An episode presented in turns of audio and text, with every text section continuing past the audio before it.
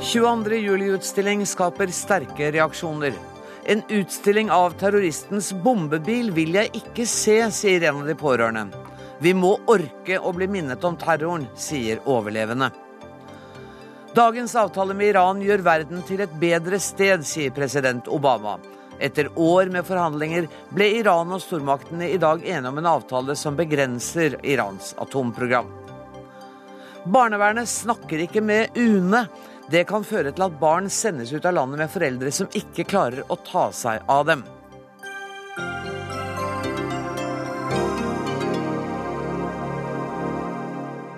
Dette er noen av sakene i Dagsnytt 18 i dag, der vi også skal høre at hvite, rike mennesker klumper seg sammen i gylne gettoer i Oslo. Men først. Det har i dag vakt storm på sosiale medier etter at det ble kjent at minneutstillingen etter 22.07 bl.a. skal inkludere deler av bombebilen og utstyrskofferten som ble brukt av Anders Behring Breivik.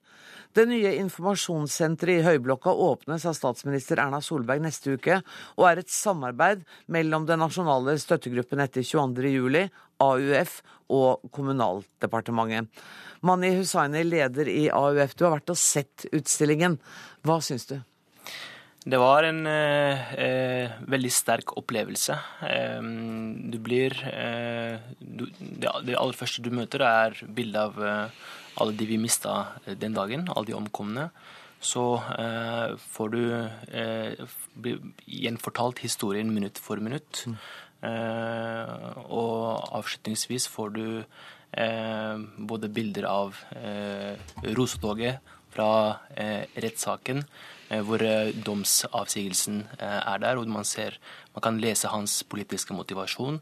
Og helt til slutt ser man det som preget landet vårt i tiden etter, mm. nemlig det vakre som skjedde med, med rosetog og folk som samles på Youngstorget for å synge 'Barna av regnbuen'.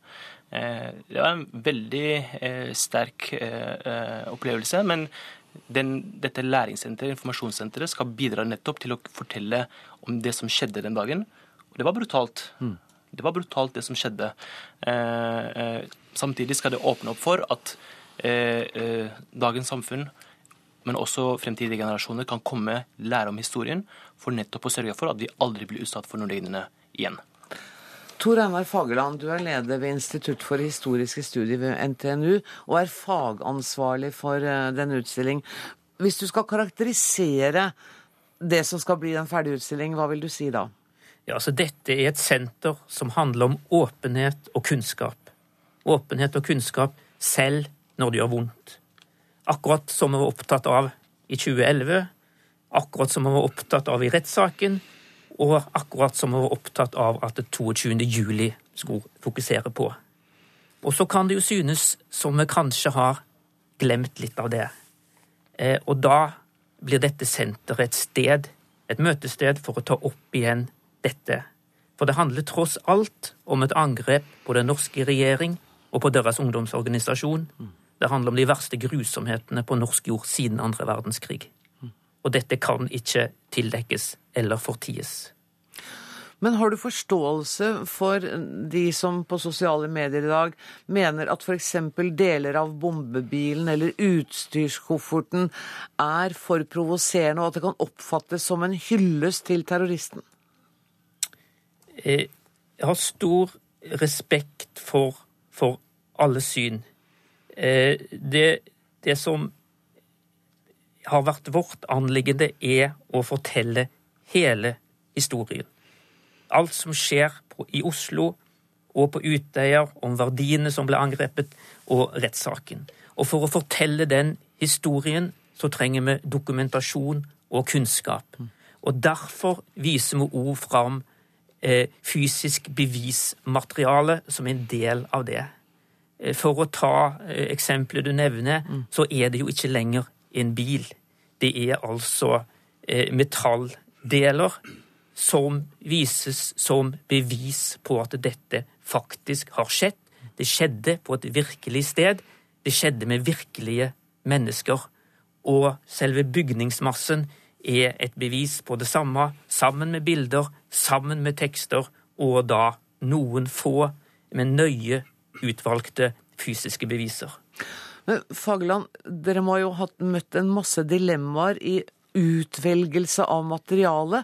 Hva har det gjort med deg?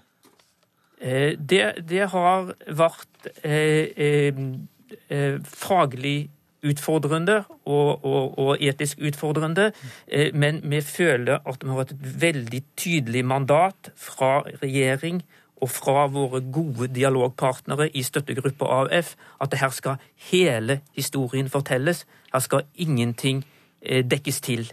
Så vi legger ingenting til, vi trekker ingenting fra. Og da får du altså en slik eh, dokumentasjonsbasert utstilling.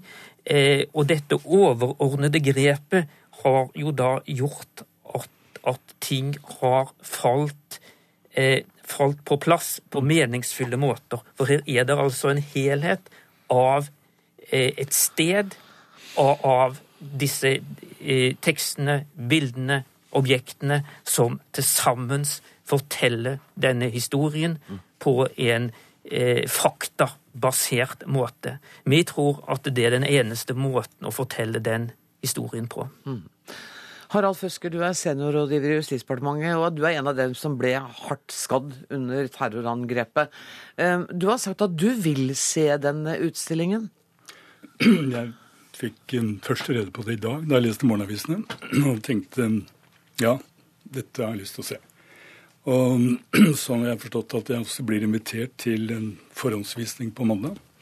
Så jeg har altså ikke sett den, som du har gjort. Men ehm, jeg ser faktisk fram til det. Det som Min første refleksjon da jeg leste avisen i dag, så oppdaget jeg også at det var en viss motstand her, som var ganske kraftig også hos enkelte. Mm. Og den refleksjonen jeg gjorde med da, var jo det vi har gjort de siste 30-40 årene, har vi sendt skoleelever til tyske konsentrasjonsleirer for at vi ikke skal glemme det som skjedde i de årene der. Og jeg ser på denne, la oss kalle det ja, ikke utstilling kanskje, men Læringssenter. Ja, ikke sant. Et læringssenter på tilsvarende måte. Dette må vi ikke glemme. Vi må se til at de som kommer etter oss, også får vite om det som skjedde i 2011. Er du litt redd for at vi som ikke var direkte berørt den dagen, at vi er litt i ferd med å begynne å glemme? Jeg tror han som nå var på høyttalerne mine for et lite øyeblikk ja, sa at her er det allerede noen som har glemt. Mm. Eh, jeg har oppdaget det selv når jeg snakket med relativt unge folk, som var noen, noen år yngre, da, for fire år siden, at eh, de kanskje ikke vil ta det inn over seg heller. Og det er litt tidstypisk på mange måter. Vi skal jo helst være lykkelige og, og ha det godt. Og, og, dette er jo et sår som um, stadig blir åpna igjen, iallfall hvert 22. juli. Og det bør det på en måte Slik bør det på en måte bli å være. Tor Østbø, du er med oss på telefonen fra hytta di i Telemark. Eh, du er ikke i ferd med å glemme, for din kone mistet altså livet 22.07.2011. Eh, men du har bestemt deg for at den utstillingen vil du ikke se? Ja, det er kanskje ikke så definitivt. Men uh, altså det jeg misliker sterkt, er at terroristen får oppmerksomhet. Det var det han higer etter. Det var jo oppmerksomhet. Og nå får, nå får han en slags uh, utstilling over eh, hva han ønsket å, å, å, oppnå. Du ser de gjenstandene han brukte som virkemiddel for, for den eh, handlingen han gjorde. og Det, det er grunn det jeg reagerer på. at uh, Han var en slags som jeg har kalt det for Hall of Fame. For ham? Synes, mm. Ja, som jeg, altså, det eneste jeg ønsker for hans del, er at han blir glemt. Men jeg lurer på, Tor Einar Fageland, hva er din reaksjon når du hører Østbø si at, at, det kan oppfattes som en hall of fame for terroristen? Dette er noe vi har vært veldig opptatt av mm. at ikke skal skje. Mm. Eh, derfor er det første du møter i utstillingen, et eget rom for de 77 ofrene. En kan gå videre inn i denne vandringen. Det er et stort senter som, som rommer veldig mye. Komme inn i et rom som vi kaller for vitnerommet. Der er det berørte fra regjeringskvartalet og fra Utøya som forteller sine historier. Og Østbø, er det ikke riktig det Føsker sier også, at, at det er viktig at vi ikke tillater oss å glemme den dagen? Ja, nå er jeg ikke så bekymret for at man kommer til å glemme den, men uh, det er klart, etter hvert som tiden går, og kanskje og, og langt mer tid enn det har gått til nå, så, så, så, vil nok selvfølgelig det trå litt til Uh, men det, den, den, katastrofen som det var, og også måten man klarte å opprettholde et, uh, altså det som vi kaller for norske verdier etterpå, det håper og tror at vi beholder uansett. Eh, Mani, du har selvfølgelig fått med deg denne voldsomme aktiviteten i, på sosiale medier. Gjør det deg urolig? Nei, nei, det gjør det ikke. Det jeg tenker at, at eh, det er viktig at vi får på plass et sånt læringssenter. Eh, og jeg ser frem til at andre også skal få de som ønsker det, selvfølgelig, som er klar for det, skal besøke dette senteret nettopp for å eh, se hva det er for noe. Det er veldig skal jeg si, eh, Jeg har sett en del reaksjoner, og da tenker jeg at man bør Eh, eh, bør kjenne til prosessen og hva formålet med det er. Og det, det, det tenker jeg vi, vi, vi, kan definere hva dette senteret skal være. Mm. Og jeg mener at dette senteret skal være et læringssenter hvor vi viser det brutale, nakne sannheten om det som skjedde. Mm. Eh, og hvor vi ja, mistet 77 umistelige. Eh, et sted hvor vi eh, får frem det politiske tankegodset som motiverte terroristen til å gjøre det han gjorde og et sted også eh, hvor vi viser frem det vakre som skjedde i landet vårt i tiden etter. Eh, eh, det mener jeg vi skylder fremtidige generasjoner mm. å fortelle historien slik den var. Og det, det mener jeg at det senteret klarer å ivareta, og, og ser frem til å åpne det.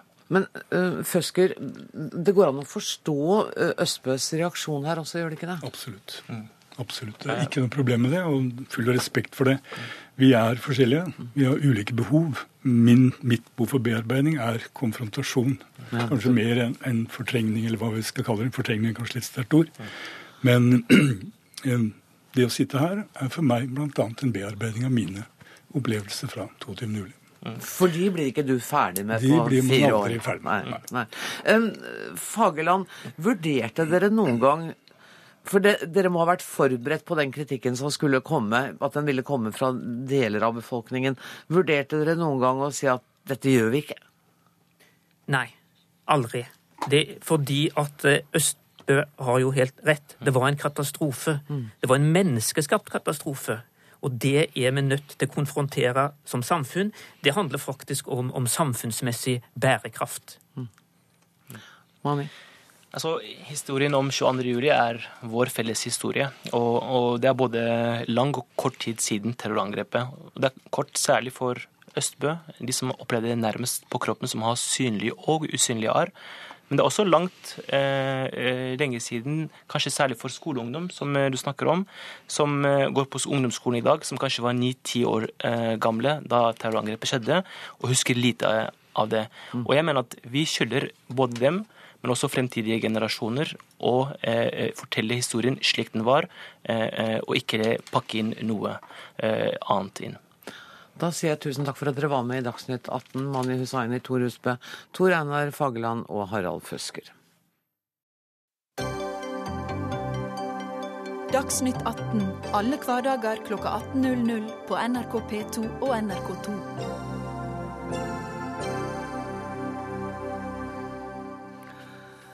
En alvorlig tabbe av historiske dimensjoner. Det sier Israels statsminister Benjamin Netanyahu om avtalen mellom Iran og de vestlige stormaktene som ble inngått i dag. Avtalen sikrer en iransk nedrustning og skal gi internasjonalt innsyn i atomprogrammet. I bytte skal de økonomiske sanksjonene mot landet reduseres. Men Israels statsminister vil gjøre det han kan, sier han, for å stanse avtalen. Marte Heian Engdahl, du er doktorgradsstipend i historie ved Universitetet i eh, Oslo. Hvorfor reagerer Israels statsminister så sterkt? Ja, jeg tror det er jo flere ting, men i alle fall så er det en eh, reell frykt. Det som er i Israel, er en reell frykt for at eh, Iran skal få utvikle atomvåpen. Og at Iran skal nå med letta sanksjoner osv. få rusta opp krigskassen sin, som de bruker til eh, diverse proksikriger rundt om i regionen. Og Netanyahu har jo i mange, mange år vært veldig opptatt av trusselen fra Iran, mm. og at det her for han er Wien München, og det året 1938, og Iran er Nazi-Tyskland. Og for han er det her en slags dommedags Eh, eh, endelig. Og han jeg har vært i mange år, og senest nå i valgkampen eh, i, i, år, veldig opptatt av det her. Og vant jo delvis også det israelske valget på denne frykten. Men, men nå sier han at han skal gjøre hva han kan for å stanse avtalen. Kan han det? Ja, det er jo det. Altså, han har jo, det, det, henger jo sammen med det punktet med denne frykten, og det ja. som han har brukt i valgkampen og ellers, er jo at han, det ligger enormt mye personlig prestisje for Netanyahu i denne saken her også. Eh, og da, når hele verden våkna og applauderte og at det her var en historisk avtale i morges, mm. så er det for Netanyahu en historisk dårlig avtale. Og når han eh, sier nå at eh, han ikke har gitt opp kampen, så betyr det at i essens at han flytter eh, Nå mobiliserer han alt han kan, sine republikanske venner i Kongressen i Washington, og det er der det neste slaget står. Tove Bjørgaas, USA-korrespondent. Netanyahu må altså overbevise tilstrekkelig mange i den amerikanske kongressen til å stemme imot avtalen. Kommer han til å klare det? Jeg tror det blir veldig vanskelig, fordi det er demokratene det kommer til å stå om. Republikanerne har uttrykt seg om denne avtalen i dag på lik linje med Netanyahu. Kalt den en katastrofe, kalt den en dommedag, kalt den eh, en farlig avtale for USA som vil føre, føre til en økt krigs, krigstrussel mot USA. Eh, men eh, det er slik at eh, hvis avtalen skal bli stanset, så må den bli stanset med 60 stemmer i Senatet. Og republikanere har bare 54 senatorer. Nå er det jo mange med, altså Israel-vennlige interesser som støtter demokratene også, men jeg, det har vært et heftig altså det har vært heftig kontakt mellom forhandlerne til amerikanerne i Wien og demokratene i Senatet mm. for å finne ut hvor god denne avtalen måtte være før de kunne godta den. Så den blir nok godkjent. Men, men denne avtalen viser jo også at amerikansk diplomati kan føre til viktig og meningsfull forandring. Det sa president Obama. Har han støtte for det synet i befolkningen, hvis du ser bort fra eh, republikanerne i Kongressen? Det er mange som synes at dette er bra også. Og det er, som Obama sa i dag, en stor seier for diplomatiet. Eh, men amerikanerne er blitt så vant til å, å høre denne historien om, den, om at, at, Iran kaller USA den store Satan, og, og de husker gisselaksjonen i Teheran i, i, 1979, der 52 gisler satt i 444 dager. Eh, så hvis for eksempel, Nå er jeg i Wisconsin, litt ute på, på, bygda, og her er det veldig mange som er veldig redde for Iran og trekker det fram når man stiller dem spørsmålet. Mens blant mange yngre mennesker og selvfølgelig blant mange liberale så synes de dette er bra, og mener at det får ned spenningsnivået i verden. Det som er en tilleggsfaktor, er jo dette spesielle forholdet mellom USA og Israel, som f.eks. Hillary Clinton er veldig opptatt av. Men heller ikke hun vil jo forsøke å velte denne avtalen om hun skulle bli president. Nei, og jeg tenkte, Heng med oss litt videre, Tove, hvis du har tid. For jeg tenkte vi ja, ja. kunne snakke litt om forholdet mellom president Obama og Netanyahu også. Fordi eh, det har jo gått fra kjølig til eh, iskaldt, har det ikke det, Marte Engdahl? Ja, det har gått helt til frysepunktet, egentlig. Det var jo, eh, som mange kanskje husker, i mars eh, i år, i, midt i den israelske valgkampen, så reiste Netanyahu til Kongressen for å holde en tale, invitert av republikanerne. Eh, og også før det så har han blitt, han og hans, ikke minst hans ambassadør til USA, Ron Dermer, vært veldig nært assosiert med det republikanske partiet. Mm. Og med den kongresstalen, da holdt han på å irritere administrasjonen fra vettet. Eh, og det har jo blitt sånn da at han i essens har spilt seg sjøl ut på sidelinja i de her forhandlingene. Så Israel har, og hans kritikere også eh, i, internt i Israel, har da pekt på at uh, med å distansere seg sånn fra en demokratisk administrasjon, så har jo Netanyahu også gått glipp av en viktig mulighet til å spille inn i de forhandlingene. Eh, og, og dermed gjort det til et partipolitisk spørsmål i USA. Mm. Og i det lange løp, i et litt større perspektiv, så kan det være et veldig høyt spill av Netanyahu. Hvis jeg kan legge til noe der, Anne, ja, så, så, så er det jo, også slik at det, altså det, er jo presidenten her i USA som har forhandlet fram denne avtalen, det er jo ikke Kongressen. Og det er presidenten, det, Dette er en politisk avtale, dette er ingen traktat. Eh, derfor er det også slik at Hvis den neste presidenten i dette landet skulle bli en republikaner, så kan han rive denne eh, avtalen i småbiter og kaste den i søppelbøtta. Eh, det har han myndighet til å gjøre. Mm. Og det sier jo mange av kandidatene at de ønsker å gjøre på republikansk side. Men spørsmålet er jo da, når, når avtalen da har trådt i kraft, om de våger å, å gjøre det. For da vil jo sant, mange års jobb med å få ned disse sanksjonene og samarbeid med Europa osv. Gå, gå i grøfta. Og da vil man være tilbake på startstreken. Men dere, nå har vi snakket om Israel og USA. Vi skal snakke litt om eh, Iran også. Shida Sangtarash, eh, du er skribent for madam.no, og du kjenner Iran veldig godt. Har du snakket med folk som har gitt noe uttrykk for hvordan de ser på denne avtalen? Ja, jeg har både fulgt med på sosiale medier, og jeg har snakket med jeg har både bekjente og familie og venner i Iran. Iran, ja. Eh, og situasjonen er preget av håp, det er preget av glede. Uh, altså, I Iran er det slik at enhver nyhet som, som reflekteres på sosiale medier og i avisene og fredagsbønnen, det påvirker altså valutaprisen og børsen og økonomien. Eh, og det er jo eh, eh, Nå er det jo slik at det jo, dette her er jo ikke en liten nyhet. Det er, det er, Det er en stor. det er en stor nyhet. og og folk har da håp om at sanksjonene skal fjernes. De har håp om at dollaren skal bli billigere, det skal komme flere varer. Hvis du tenker f.eks. på medisin, altså industrien og andre industrier, og så er det Ja, de, er, de håper på bedre levekår i Iran, rett og slett. Og så er det jo, Samtidig så viser denne regjeringen at de ikke er en, eh, en militærvingregjering. Og så har da folk i tillegg, i tillegg til håp om økonomisk trygghet, så har de håp om at eh, altså faren for krig minsker i Iran. Ja. Hva, hva skriver iranske medier om eh, avtalen? Eh, For det første så er det sånn at gjennom, gjennom eh, denne perioden, da, forhandlingene, så har det vært store debatter mellom de ulike fløyene som finnes i Iran. Så, så mye debatt på TV-kanaler som, som er ganske uvanlig. Altså mellom de, de som er da har, kan komme på sosiale medier. Altså vi har ikke åpen press i Iran. Nei. Og så eh, I tillegg til det så kan man dele avisene i Iran i vi kan, Man må dele de i to. Du har eh, disse som er eh, med reformistene. Eh, aviser som Bahar, som, som Arman. Eh, og så har du de mest, mer konservative avisene som eh, Ja, det kan sies at det er, de er den øverste lederen, Khameneis tribune. Ja. Eh, Så reformistavisene har referert til disse avtalene som en id-gave, du kan si julegave. Eh, og eh, Keihan, da, som, som da er på den konservative siden, de, de refererer De er ganske skeptiske til reformene, og de ser på det som et tap. Eh, De tenker at Vestens bekymringer ikke kommer til å stoppe der. Og er kritiske til hvorfor da Vesten vil komme inn og se på Irans militære innflytelse i området. Nettopp.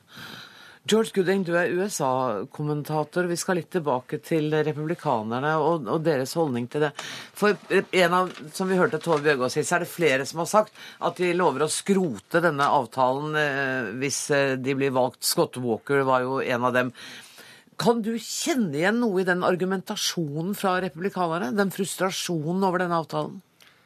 Um, En flertall av den amerikanske befolkningen er jo skeptiske, eller de stoler rett og slett ikke på Iran. Uh, En ganske fersk måling, 55% som ikke stoler på Iran i det hele tatt. Uh, Mye av det henger sammen med Israel og de kristnes uh, vennskap med Israel. Uh, Men, men det er jo mange som er skeptiske fordi Iran har jukset og, og ikke holdt ordet sitt mange ganger før. Og det er jo rett og slett ingen tro på at dette her er noe annet enn spill for galleriet. Hva tror du? Nei, det, det vet nok eh, de andre her litt bedre enn meg, men eh, når, når, eh, når Obama har fått til en avtale med Syria ikke så lenge siden, og så har de også ikke holdt eh, det de skulle og jukset, eh, og Iran har gjort det samme, så man kan jo være litt skeptisk, da. Tove Bjørgaas, får, får Obama på en måte kritikk fra begge fronter her? eh, Både fra de Israel-vennlige og fra den andre fronten som mener at eh, dette er å legge et for hardt press på Iran? Eh, Det er jo skepsis på begge sider, og det er også mange demokrater i Senatet eh, som har sagt at de vil gjerne lese denne avtalen grundig før de bestemmer seg for hva de skal stemme. Eh, Så, men det er klart, retorikken er ikke like hard eh, på den andre siden. Men det er jo, som Gooding sier, altså, dette her er jo en, en sak som, som, er vanskelig for mange amerikanere. De er vant til dette fiendebildet, og de har ikke kunnet stole på, på Iran. Og, og, vi vet jo også at Iran, altså Iran ønsker å utslette Israel fra kartet. Eh, så, så, så, det gjør jo at dette her blir vanskelig, og mange mener at Obama har gått for fort fram. Men, men, som sagt, det at de har kommet til den løsningen de har nå, det er jo også mange som, som, som støtter det. Marte Heian Engdahl, er, kan det være sånn at presidenten har presset dette litt for fort fram for å få denne avtalen i havn før han selv går av som president? Altså, Han er jo helt sikkert eh, interessert i å prøve å få fram en avtale, men jeg tror hvis vi løfter blikket, så handler jo det her mer eh, om mer enn bare USA, og mer enn Israel òg. Obama er ikke alene. Det er ikke bare USA som har forhandla fram denne avtalen her, det er jo alle sikkerhetsrådsmedlemmene, mm. pluss Tyskland.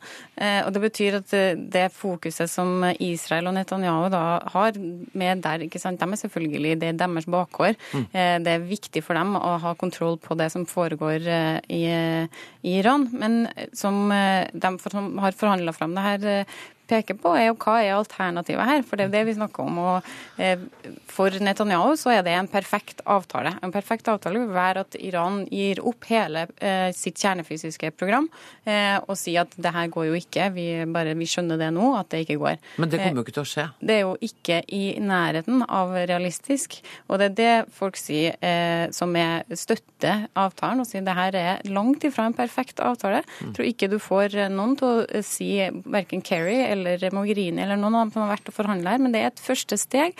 Og det er ikke minst et, et utrolig viktig første steg i et forhold som har vært under frysepunktet i så mange år, i flere tiår. Eh, og for noen år siden bare helt utenkelig at eh, den amerikanske og iranske utenriksministeren skulle stå sammen på en balkong i Wien og eh, slå an en spøk. Det var det ingen som hadde kunnet se for seg, og nå har det altså skjedd. Og i Iran er det i hvert fall en eh, optimisme og en glede ved tanken på at sanksjonene blir borte. Tusen takk for at dere kom til Dagsnytt 18. Takk også til deg, Tove Bjørgaas. Takk til Marte Heian Engdahl, Shida Sangtarash og George Gooding.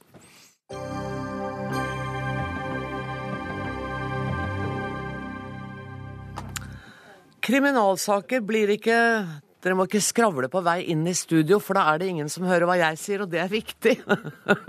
Velkommen, Tove Karoline Knutsen og Bård Hoksrud. Jeg begynner forfra. Ja. Kriminalsaker blir ikke løst pga. Folkehelseinstituttets DNA-monopol. Det sier Fremskrittspartiet, som mener instituttet forsinker etterforskningen og hindrer teknologisk innovasjon. Nå vil Frp oppheve monopolet og la private aktører slippe til. Bård Hoksrud, medlem av helse- og omsorgskomiteen. Du har sagt at dagens ordning med dette monopolet på DNA-tjenester kan være skadelig. Hvordan da?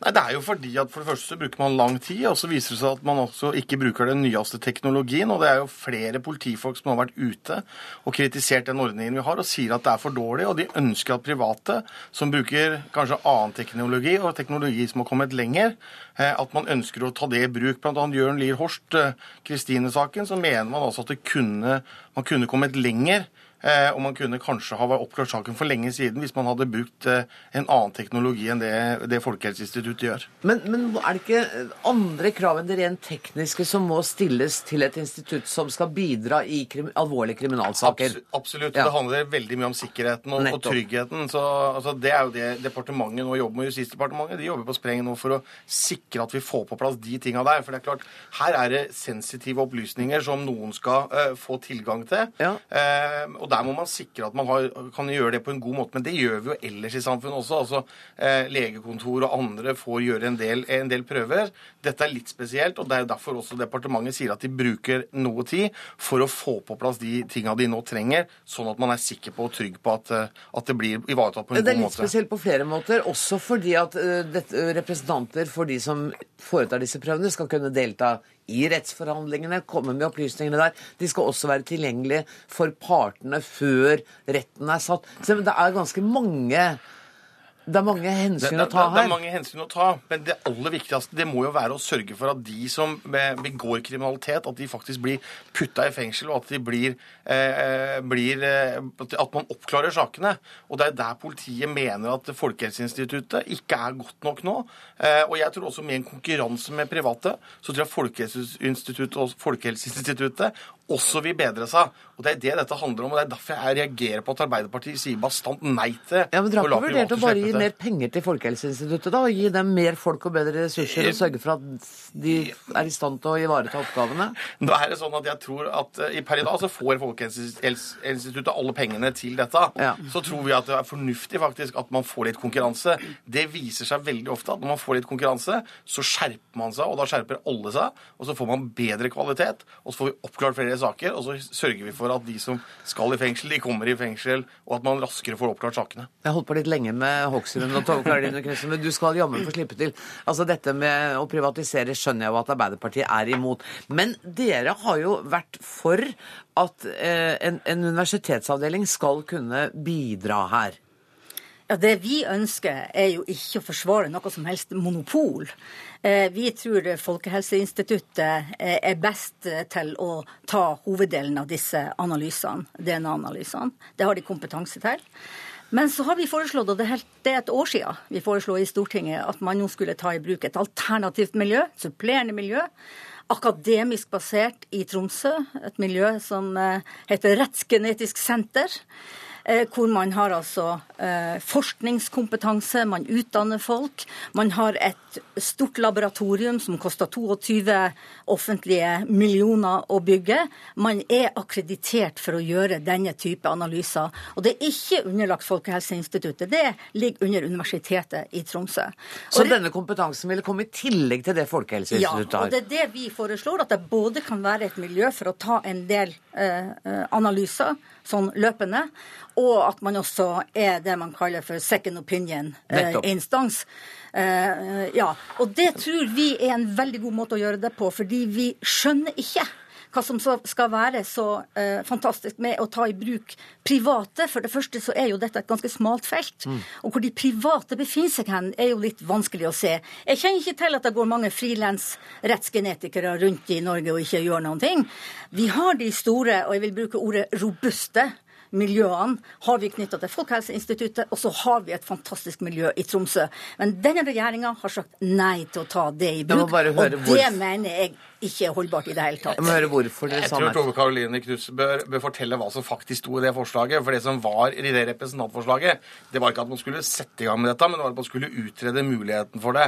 Og vi er jo ikke nødvendigvis sånn at vi ønsker å si nei til det, men vi ønsker også å åpne for at andre private kan få den muligheten. Og kanskje også vi skal bruke noe utenlandskompetanse. Det er jo ikke sånn at man bare behøver de- behøver det, det er et år siden de foreslo det, så er vel den utredninga ferdig det, er nå? høst, det er høsten 2014, og, Ja, okay. og det sa altså regjeringa nei til. Og vi jobber nå på spreng. Og jeg spurte senest eh, politisk ledelse i departementet i dag, før vi kom hit. Veldig lurt. Eh, eh, det, det er veldig lurt. og, og hele poenget er jo nettopp at det er for å få på plass de sikkerhetssystemene som de nå jobber med. Det er det som nå henger igjen for at man kan åpne for at både kanskje andre eh, offentlige, men ikke minst privat skal få muligheten til å slippe det. Og det er altså ikke sånn at dette er noe vi bare politisk ønsker. Dette er noe politifolket, Ja, ja. de som Jeg- driver med dette, ønsker at vi skal få på plass. Skjønte. Men Arbeiderpartiet vil ikke ha det. Nei da, det her er feil. Nei, det er ikke det er mange tunge instanser i dette relevante miljøet som sier at man bør ha et rettsgenetisk miljø knytta opp mot en akademisk institusjon, altså opp mot universitetsmiljøene. Og i Tromsø så er det sånn, fordi man driver med forskning, fordi man er en del av universitetsnettverket, så har man utstrakt samarbeid med de internasjonale rettsgenetiske miljøene. Og det er veldig viktig for å holde seg à jour på den nyeste teknologien og de nyeste metodene. Så her er altså en vinn-vinn-situasjon. Og disse Ja, Det skjønner jeg, men, men vet du hva, det jeg har lyst til å vite er, uh, hvis man, er Er det sånn i dag at Folkehelseinstituttets manglende kapasitet gjør at kriminalsaker ikke blir løst? Ja, det hevder politifolk. Og det er et alvorlig, og det er et kjempealvorlig problem, og de bruker for lang tid. Eh, Det er også et kjempeproblem, og det vil altså ikke Arbeiderpartiet la andre som kan få lov til å komme og konkurrere med dem på dette her, for å bli bedre, for å bruke ny teknologi. Men. Arbeiderpartiet har altså foreslått at dere kan bruke Rettsgenetisk institutt i Tromsø, som vil ta 25 De foreslo å utrede og se på Nei da, muligheten det for det. vi- det er- gjorde det er vi det ikke. dere gjorde. Nei, vi Jeg har lest forslaget. Ja, men vi foreslår at det skal tas i bruk. Og dere Men- har trenert og trenert fordi at dere vil ha disse private som vi ikke vet hvor befinner seg hen. Dere må gjerne gå til utlandet, men hvis dere da begynner å kjøpe i stort, da uh, møter dere på veldig mange problemer. Én ting er de sikkerhetsmessige tingene. Men er ikke det viktigste, Tove Karoline Knutsen, er ikke det aller, aller viktigste å sørge for at vi får gjort det jo. unna dette raskere, sånn at vi kan avklare sakene, og at ikke eh, drapsdømte eller andre slipper unna fordi at man ikke bruker den nyeste og beste teknologien. Nettopp. Det er jo det Finn Harald, Harald Abrahamsen, Abrahamsen ja. og eh, Jørn Lier Horst har vært ja. ute med å kritisert at vi ikke kommer videre. Men, men, da må du bruke det tilgjengelige miljøet som har teknologien, ja, det... og, som har kontakt med internasjonale, fremragende rettsgenetiske miljøer. Og det vil ikke dere gjøre. Det er jo akkurat det vi vil. I motsetning til Nei, dere så vil vi bruke både de private og det offentlige. Nei, det og vi skal fortsatt bruke Folkehelseinstituttet. Og vi syns at strafferettspleien skal være et offentlig anliggende og offentlig drevet. Ok, Vi har skjønt eh, hvor hovedskillelinjene går. Jeg tror ikke jeg får dere enige i løpet av dagen. Tusen takk for at dere kom til Dagsnytt 18, Bård Hoksrud og Tove Karoline Knutsen.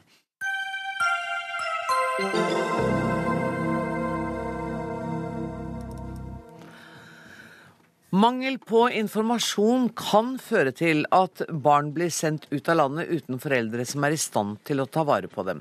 Utlendingsnemnda hevder at de ikke får all den informasjonen de trenger fra barnevernet pga. streng taushetsplikt.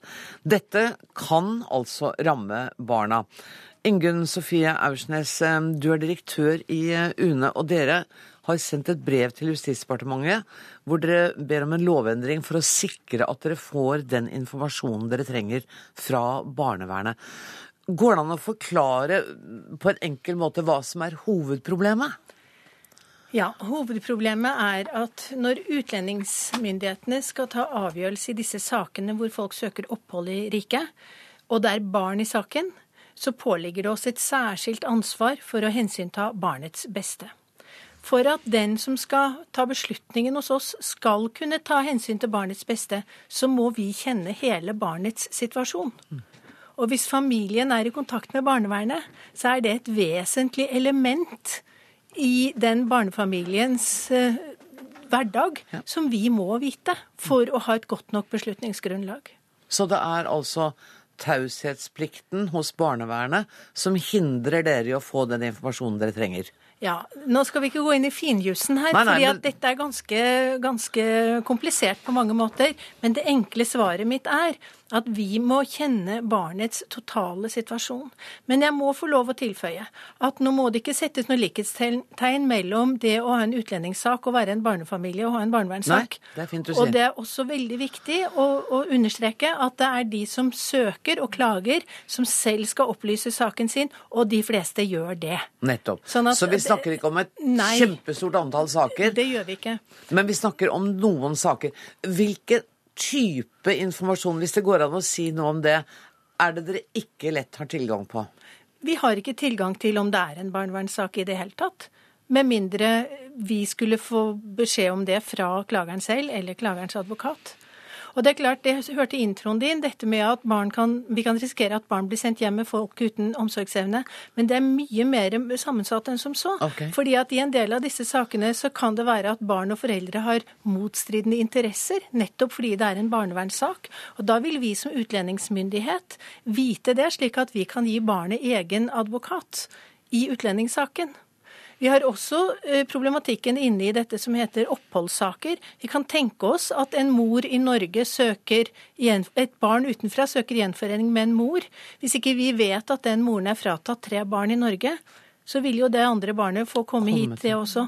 Nå setter jeg det litt på spissen, det og det håper jeg alle skjønner. Men mm. det er for å belyse at dette er ikke et massivt og stort problem. Men der hvor det, hvor det kan slå ut, så syns jeg det er alvorlig nok til at jeg har valgt å bringe saken opp. Hva, hva er det du håper skal skje videre nå? Jeg håper at eh, det skal være en oppfølging av det veldig gode initiativet som Justis- og beredskapsdepartementet gjorde i fjor sammen med Barne-, likestillings- og inkluderingsdepartementet. Da hadde vi et seminar hvor jeg deltok, eh, hvor man snakket om dette med barnevern over landegrenser. Hvor alle disse problemstillingene ble trukket opp på en veldig sånn saklig og, og og, og fremtidsrettet måte. Mm. Og det var det som var bakgrunnen for at jeg skrev til departementet og, og kom med forslag om forskrifts- og lovendring. Mm. Du skal slippe å delta i debatten, siden du er underliggende etat og representanter for politisk ledelse i Justisdepartementet er til stede. Men jeg vil gjerne at du sitter her og hører, og så kan du ta ordet hvis du vil. Gøran Kolmyr, går det ikke an å løse dette her? Jo, nå har Barne- og familiedepartementet satt i gang et arbeid for å lage egne retningslinjer på hvordan man skal håndtere nettopp sånne saker, der man både har med barnevernet å gjøre og med utlendingsmyndighetene å gjøre. Og, og de brevene som vi har fått fra Utlendingsnemnda, er jo i så fall veldig viktige innspill, eh, som vi da spiller inn overfor Barne- og familiedepartementet, sånn at vi sørger for at de hensynene som Utlendingsnemnda tar opp, også blir ivaretatt i de retningslinjene.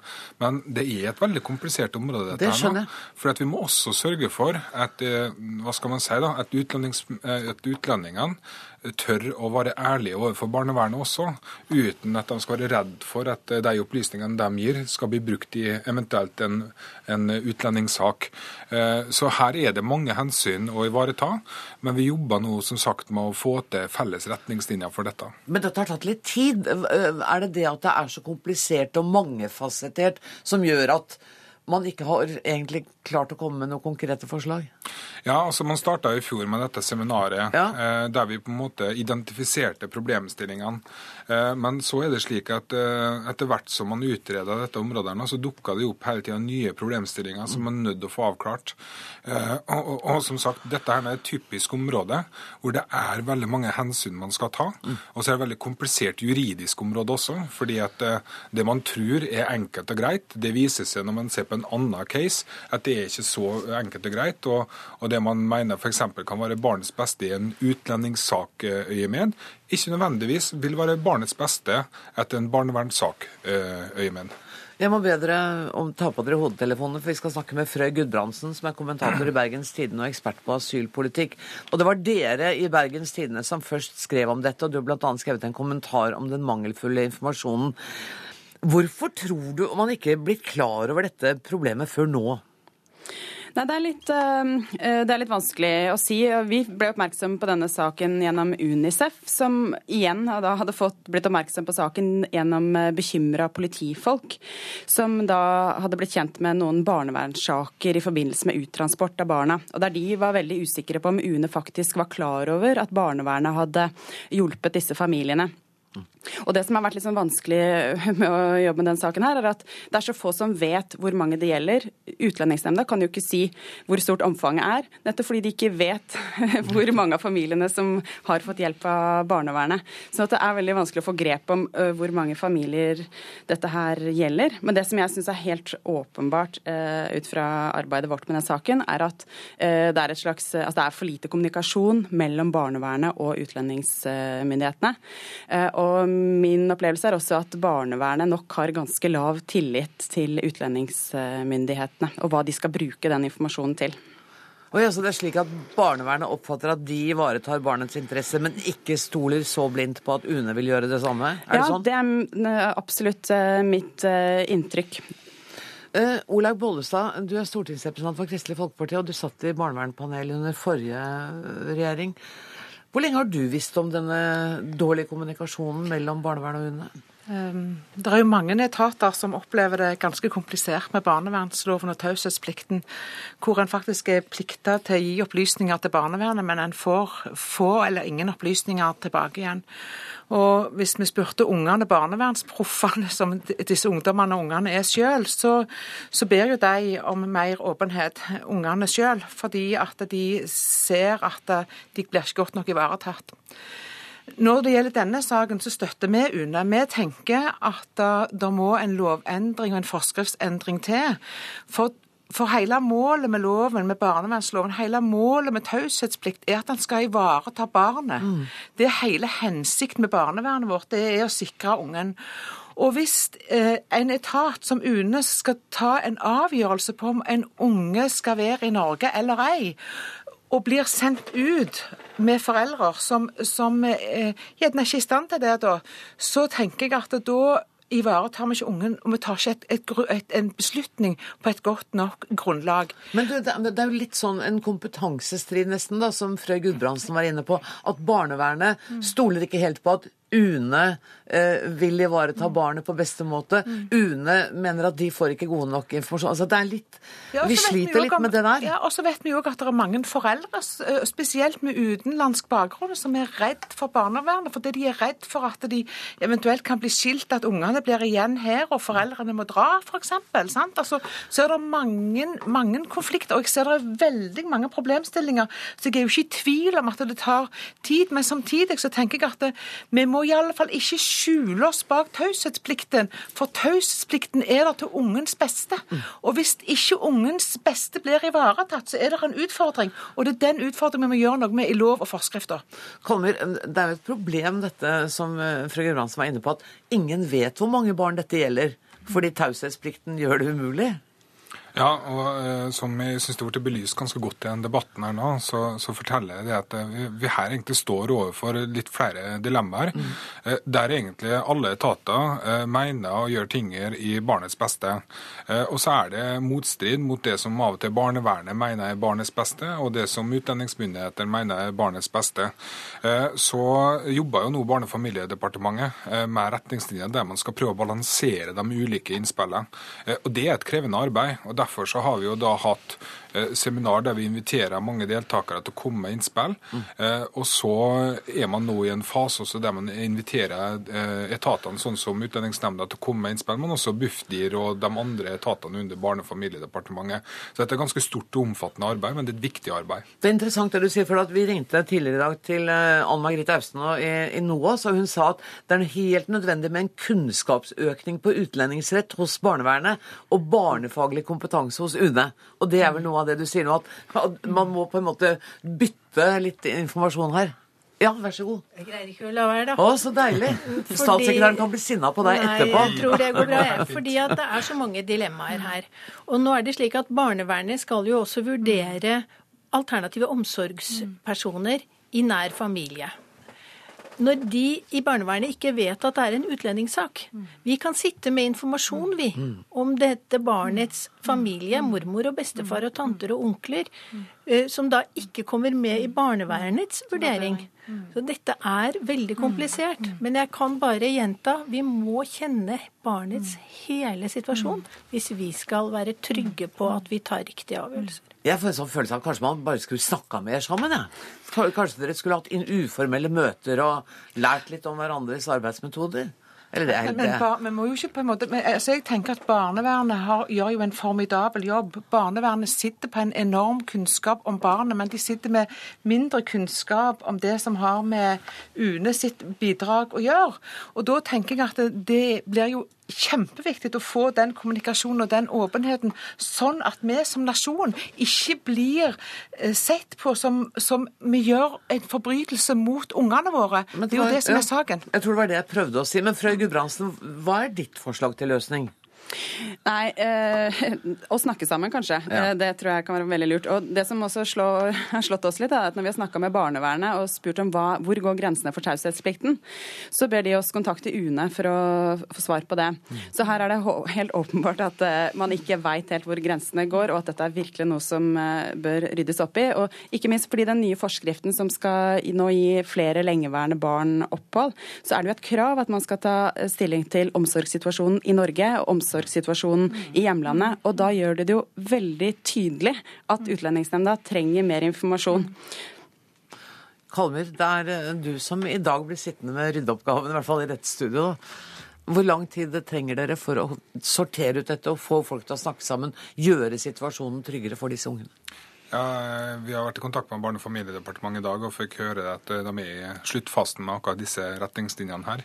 Eh, Så må vi også huske på det at eh, at det vi snakker om nå, er også norsk barnevern og forholdet til utlandet. Og Det har jo vært litt omstridt i det siste. Eh, fordi at norsk barnevern har nok en annen standard på hva som er bra for barnet, enn det mange andre lands myndigheter legger til grunn som er dyktige omsorgspersoner.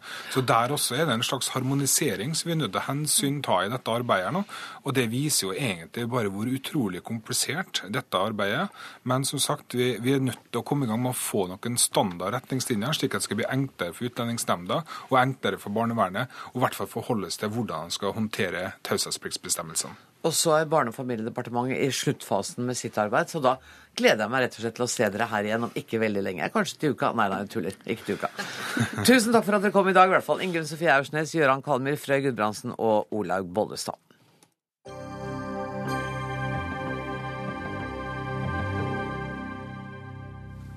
Ordet getto forbindes gjerne med tette ansamlinger med slitte boligblokker bebodd av innvandrere. Men forskning viser at det er de rike og høyt utdannede osloborgerne som nå klumper seg stadig tettere sammen i det som forskerne kaller gylne gettoer. Jørgen Ljunggren, du er sosiolog og forsker, og du har sammen med din forskerkollega Patrick Lie Andersen funnet ut av dette. Og det er i første rekke Oslo dere har sett på.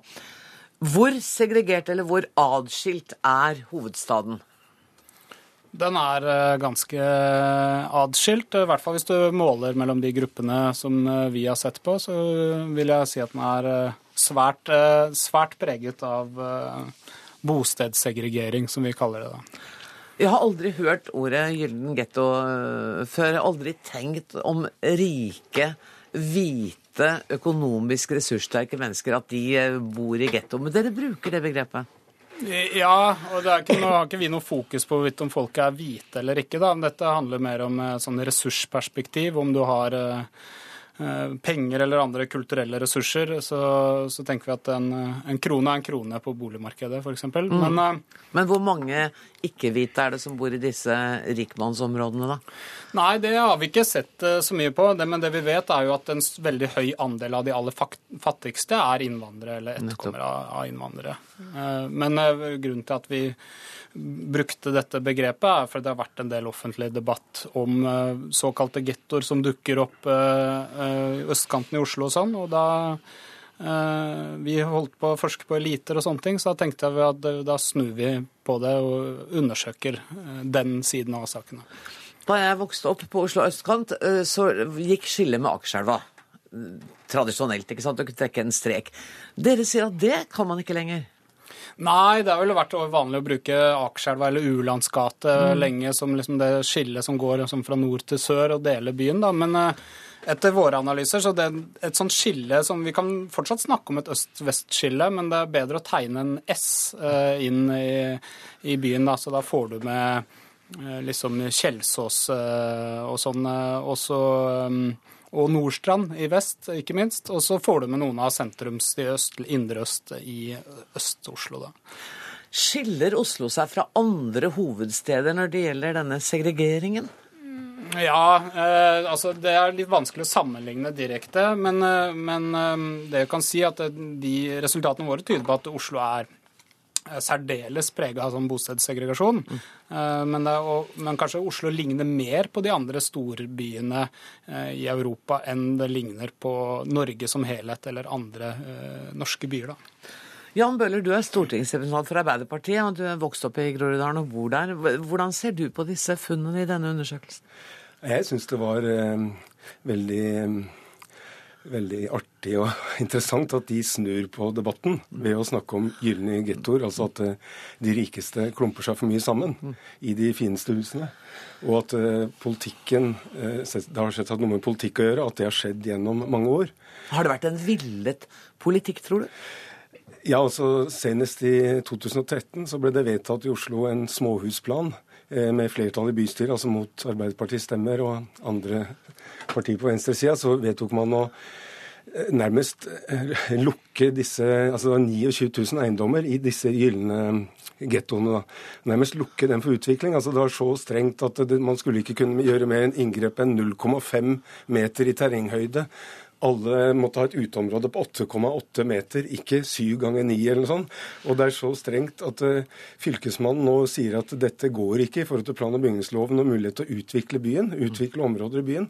Så man har gått veldig langt i å ikke ville gjøre noe for å få en mer blandet bebyggelse i disse områdene. For det som kunne forandret det, var jo en langsiktig boligpolitikk mm. hvor man bygde mer boliger i disse områdene også, og også fikk rimeligere boliger der, så befolkningen kunne blande seg mer. Og Det bør gjøres på tvers av byen. Så jeg ønsker jo en utvikling av Oslo hvor vi bor mer sammen, alle sammen. Mm. Det tror jeg både de rikeste og de andre og vi, vi, andre vil ha veldig godt av. Men ville du noen gang flytta fra Groruddalen? Nei, men det har veldig mye annet å gjøre. Jeg, jeg liker meg, kan like godt å være i vest for det. Men det er noe med masse det var, bare, det var en avsporing. Ja. Uh, Mudassar Kapur, du er stortingsrepresentant for Høyre og storbypolitisk uh, talsmann. Syns du det er et problem at Oslo er så adskilt? Jeg syns denne forskningen egentlig understreker et poeng jeg har hatt lenge. Og det er at uh, Oslo er nok ikke så adskilt langs de klassiske Nettopp. ordene som vi bruker, som segregering eller at det er gettofisering osv. Men vi ser I dag har jeg lest tre rapporter før jeg kom hit. Den ene deler opp Oslo i en S. Mm. Vi har en annen som deler opp Oslo i en rett strek med eh, øst og vest. Og så har vi en tredje som jeg leste i dag også, som lurte på hvor har det blitt av østkanten, fordi man ser mer en sentrum- og periferideling. Um, og, og, og, rent sånn politisk så, så har, ser vi også at uh, den bosettingspolitikken over veldig mange år, hvis man ser på Sagene bydel og en del andre steder, hvor man da satte uh, kommunale boliger eller den type tiltak i en og samme bydel, har jo også hatt en innvirkning. Uh, men, men det har hatt en innvirkning hvordan da? På hvordan folk har bosatt seg Nettopp. i byen, ikke sant? Ikke sant? Så de rikeste har ikke flytta dit hvor man har hatt masse kommunale boliger? Og det har vi jo tenkt å endre på nå. Nå har jo Oslo lagt av 2,4 milliarder kroner frem til 2018, hvor man skal kjøpe kommunale boliger mye mer spredt. Men, Så dere syns også at det er et problem? Det er en utfordring eh, alltid i enhver by, vil jeg si. Det er en sosial realitet i enhver by. Alle storbyer at det vil være noen forskjeller. Så spørsmålet er jo hva gjør vi med de? Det viktigste jeg mener vi kan gjøre med de, er å satse på en skolepolitikk som utjevner sosiale forskjeller. Satse på en arbeidslivspolitikk som særlig passe på at kvinner med minoritetsbakgrunn ikke blir stående utenfor. Eh, altså den type eh, linjer.